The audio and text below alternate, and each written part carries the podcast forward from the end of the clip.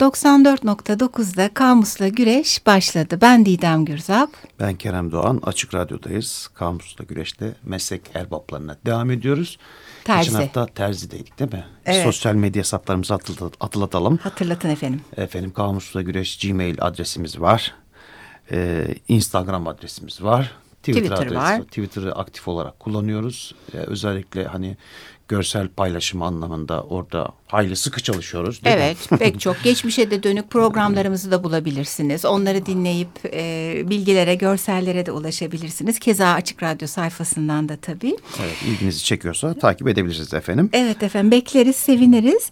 Ee, biz geçen hafta terzi ile ilgili aslında etimoloji ve e, asıl anlamlar, atasözleri pek çok bilgi verdik. Ve yaptık, evet. e, çok güzel terzilerle ilgili röportajlarımız vardı. Onları paylaştık. E, girdik onları e, Twitter'dan dinleyebilirsiniz. E, şimdi tam da Kerem yaptığı röportajı neydi usta terzimizin e, ismi? Seydi Ahmet Demirdöken. Evet. Sağ olsun teşekkür ederiz kendisine tekrar. mesleğin gerektirdiği özelliklerden e, bahsetmişti. Benim de elimde bir liste var. E, e-toplum.com'dan çıkardım. O kadar uyuşuyor ki neymiş e, terzilik mesleğini gerektirdiği özellikler? Şekil ve uzay ilişkilerini görebilen görsel yeteneği gelişmiş. Bir bütünün parçaları arasındaki ilişkileri görebilen. El ve parmakları ustalıkla kullanabilen.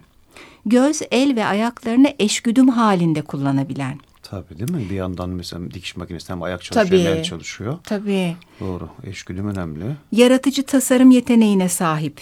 Evet şu an daha da Renkleri önemli. ayırt edebilen. Dikkatli ve titiz. insanlarla iletişimi iyi, güler yüzlü. Sabırlı, eleştiriye açık, ikna yeteneğine sahip, sır saklayabilen. Liste benim çok hoşuma gitti.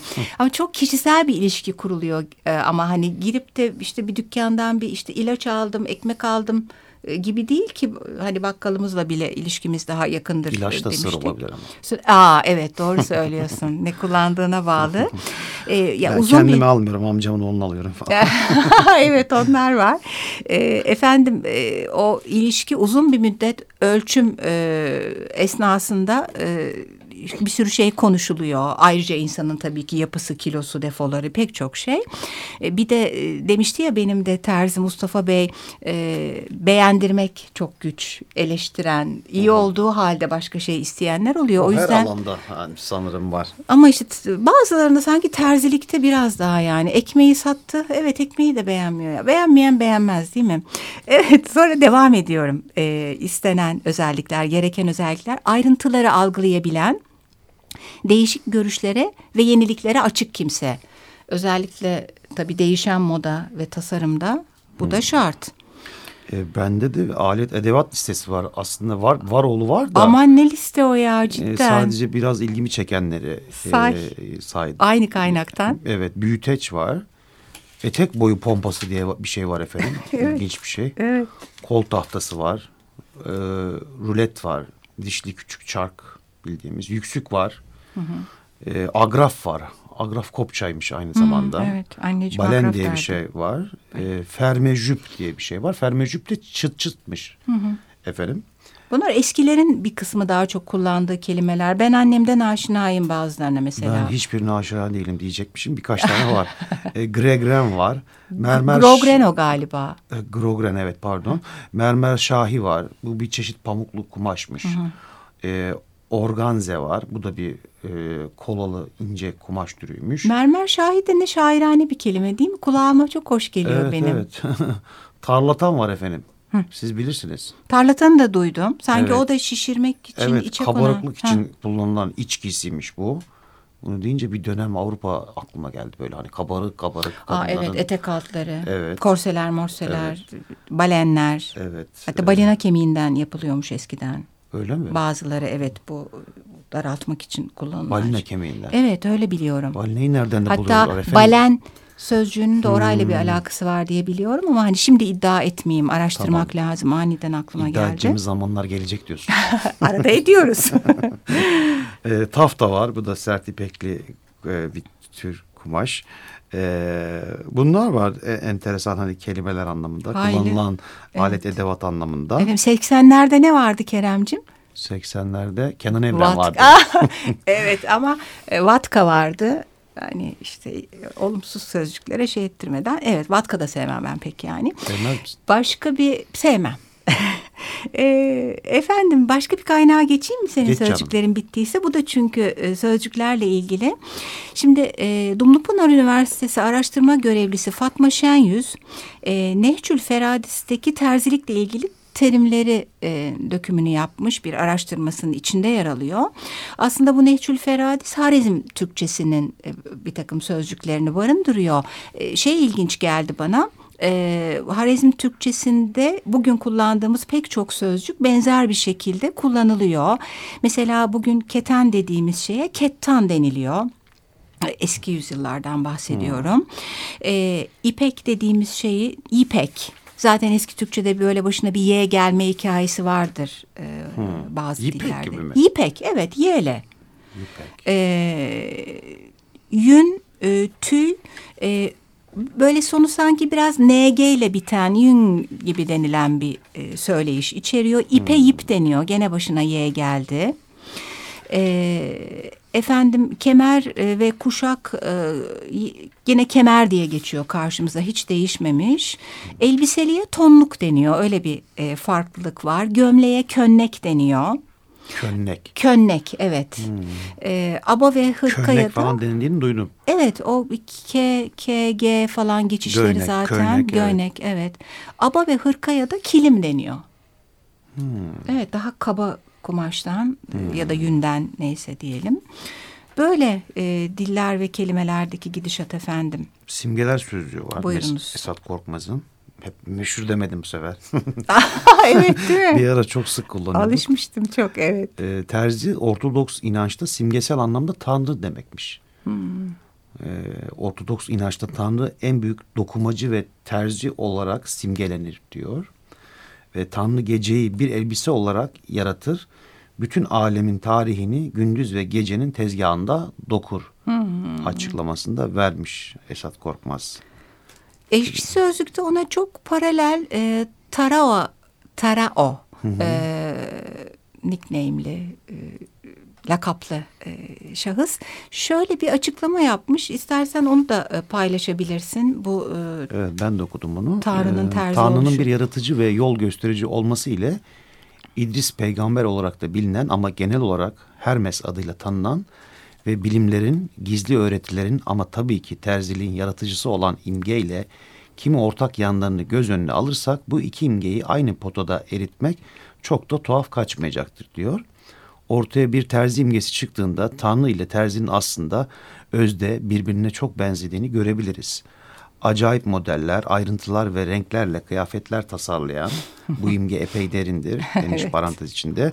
Ama iş kendisine geldi mi öteleyen, uğraşmayan, halk diliyle söylersek kendi sökünü dikemeyen bu terzi aynı özensizliği dünya isimli elbisesinde de gösterir. Hiçbir şey yok ki kuralına göre işle, işlesin. ya Ee, devam ediyor.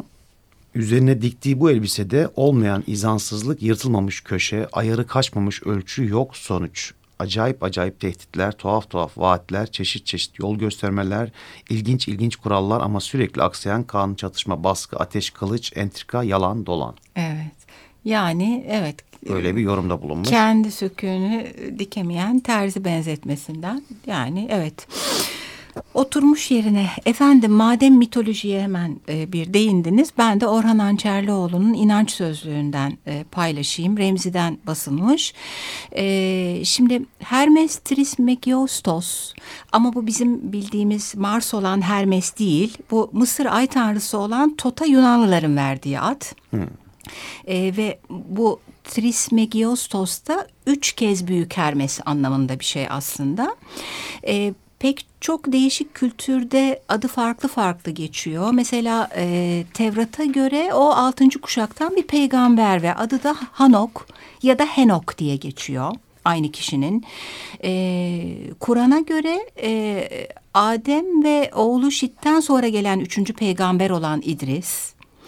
Ee, ve bunların hepsinin ortak özelliği başka başka kültürlerde başka başka adlar almışlar ama kalemle yazı yazan ve dikiş diken ilk insan o kabul ediliyor.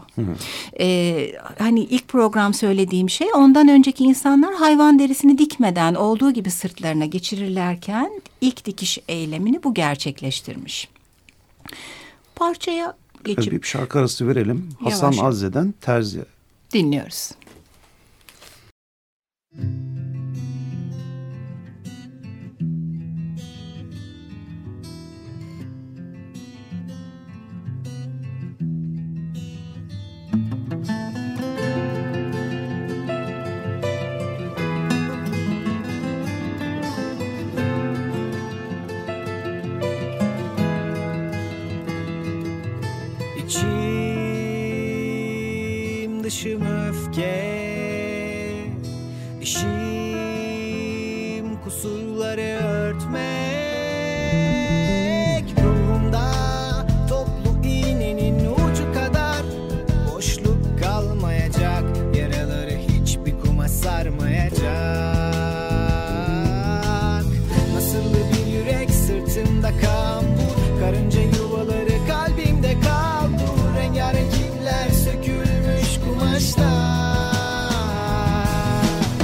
Nasıllı bir yürek sırtımda kambur Karınca yürek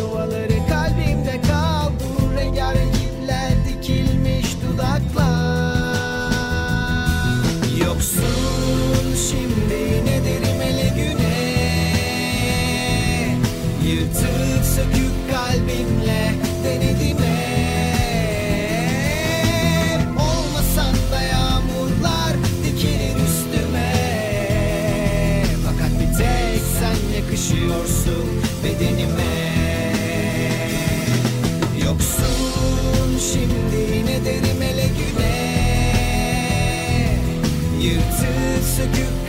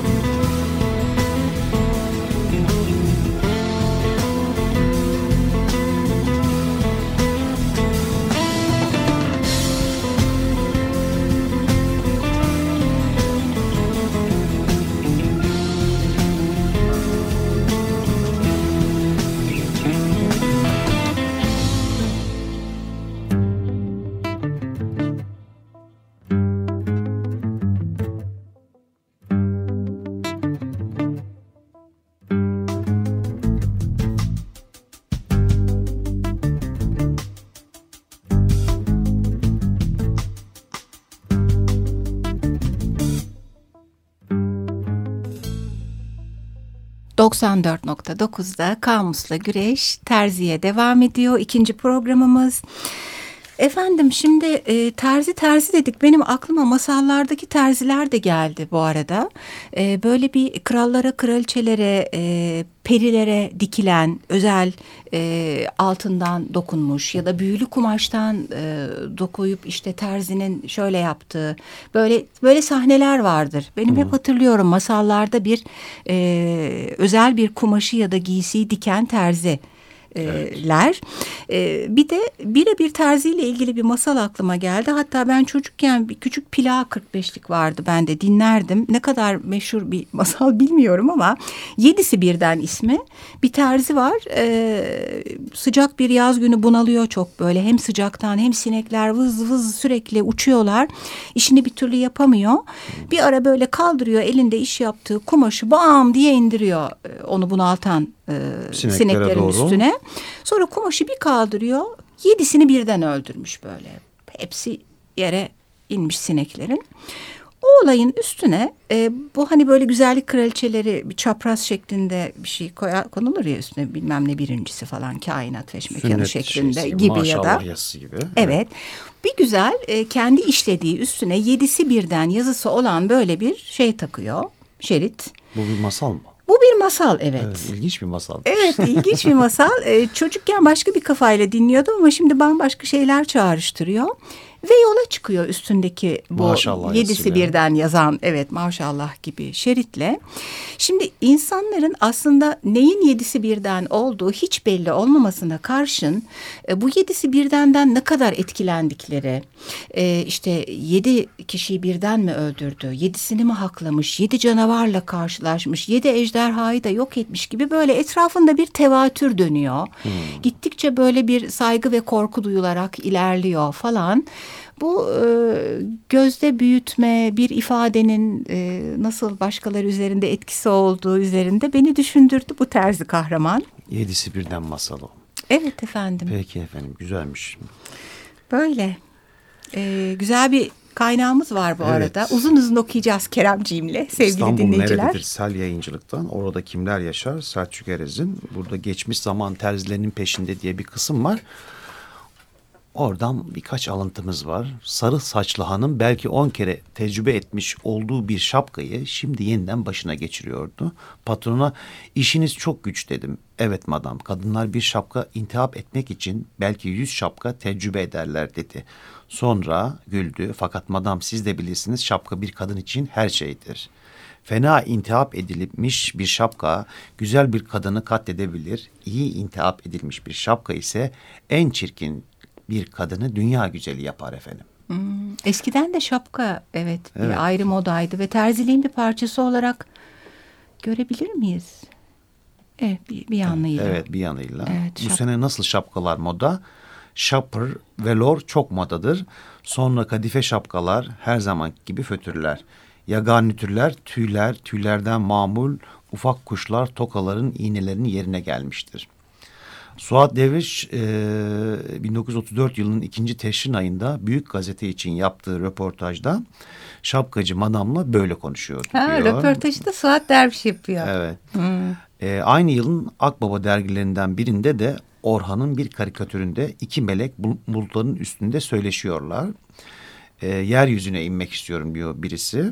Diğeri de vazgeç terzilerin eline geçersek yüksek sınıfı süslemek için kanatlarımızı yolar, derimizi yüzerler demiş. He, e, doğru tabii terziliğin belli bir kısmı da e, hele eskiden hayvanların aslında belli parçalar üzerinden gidiyor. Ben devam ediyorum sevgili dinleyiciler. Tekrar kaynağı hatırlatalım. Selçuk Erez'in İstanbul Nerededir? Orada kimler yaşarından terzilerle ilgili bir bölüm okuyoruz. Atatürk henüz sağdır. Cumhuriyetin getirdiği heyecan ve rüzgar sürmektedir. Kentliler her konuda devrimler göre göre yeniliğin her türlüsüne eski kuşaklara göre daha açılmışlardır. Kırsal bölgelerde yaşayanlarsa olup bitenlere tepkisiz izlemektedirler. Gazeteler 4. Büyük Ulus Kurultayı'nda saylav seçiminin yenilenmesi kestirildikten e, Türk kadınının da bundan böyle saylav seçilebilmesi için yeni bir töre çıkartılacağını bildirir. Artık parlamentoya bile girebilecek olan Türk kadınının bu hızlı değişime tepkisi, çağdaşlaşmayı yorumlaması nasıldır? O yıllarda ulusal birikimimiz bu yorumun oldukça yüzeysel, hafif ve uçucu olmasını kaçınılmaz kılar. Hanımlar yüksek kaldırımda Madame Sari'den, Galatasaray'a yakın Profesör Şahinyan'dan ve Poposyan'dan dans dersleri alırlar. Onlara seslenen reklamlar hedeflenen kitlenin algı ve yargı düzeyi konusunda yeterli bilgi verir. İyi bir izdivaç neye bağlıdır? Bu sene mesut bir izdivaç yapmak istiyor musunuz? Milyonerler de dahil olmak üzere yüzlerce erkek arasında bir anket yaptım ve onda dokuzunun bir kadında her şeyden evvel düzgün, kadife gibi yumuşak bir cilt ve parlak bir ten aradıklarına şahit oldum diyen ilanda tokalon pudrasının bütün bunları sağlayacağı açıklanmaktadır. Yavaş yavaş bizi giysiye doğru götürüyor görüntüden. Profesör Şahinyan'dan dans dersleri alan Artık saylav bile seçilebilen ve milyoner koca bulabilmek için tokalon pudrası kullanan kadınlara çağdaş giysinin ne olduğunu, neler olması gerektiğini kim söyler, kimler gösterirdi. O zamanlar Türkiye'nin moda merkezi İstanbul'du. İstanbul'da Beyoğlu'ydu. Hatta biraz abartıp zorlayarak Beyoğlu'nda da Mısır apartmanıydı diyebiliriz. Maksut dışında en önemli terziler Mısır apartmanındaydılar. Maksut'un özelliği modellerden çok kendi imgesine sığınıp orijinal çizimler yapmasıydı. Bugün tasarımcı dediğimiz herhalde. İşlemeli allı pullu elbiselerini her yıl tokatlayan otelindeki ekspozisyonlarda gösterirdi. O zamanlar moda defilesi değil ekspozisyon vardı. Yerli ve yabancı mankenler müziksiz dolaşırlardı masaların arasında.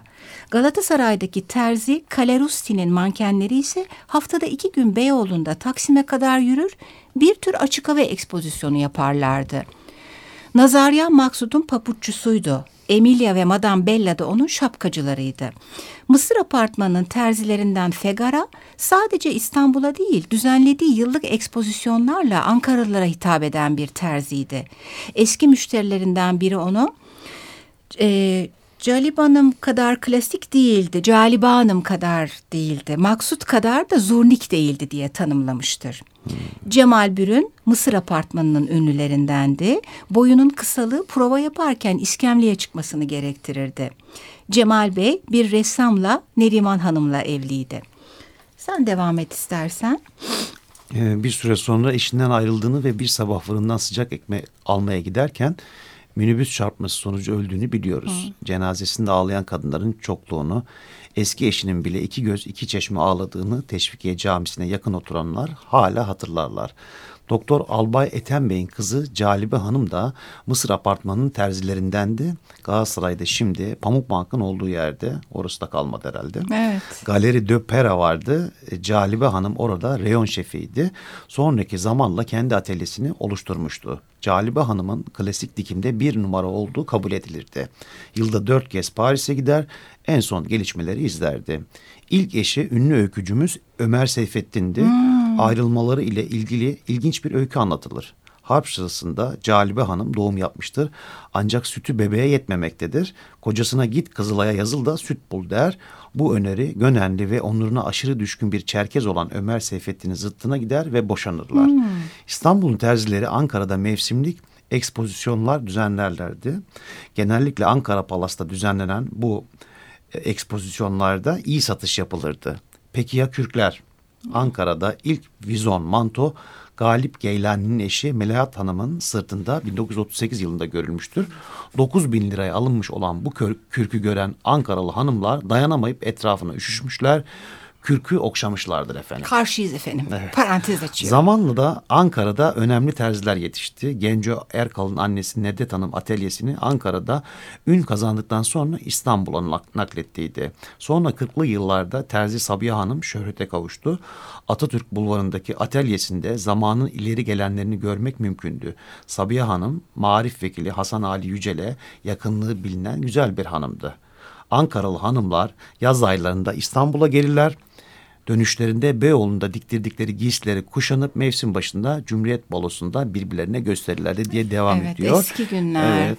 Efendim atladığımız mutlaka çok da isim olacak ama ben de böyle hele ismi çok anılan birkaç terzimizi de artık tasarımcı olarak da anılan bir Barbaros Şansalı, Cemil İpekçi'yi, Yıldırım Mayru'yu da atlamadan geçmeyelim diyorum. Ee, Ee, bir de absürt tiyatronun önemli bir eseri var Terzi diye Slavomir Morozek'in. Onu Aa, da evet. hatırlatalım.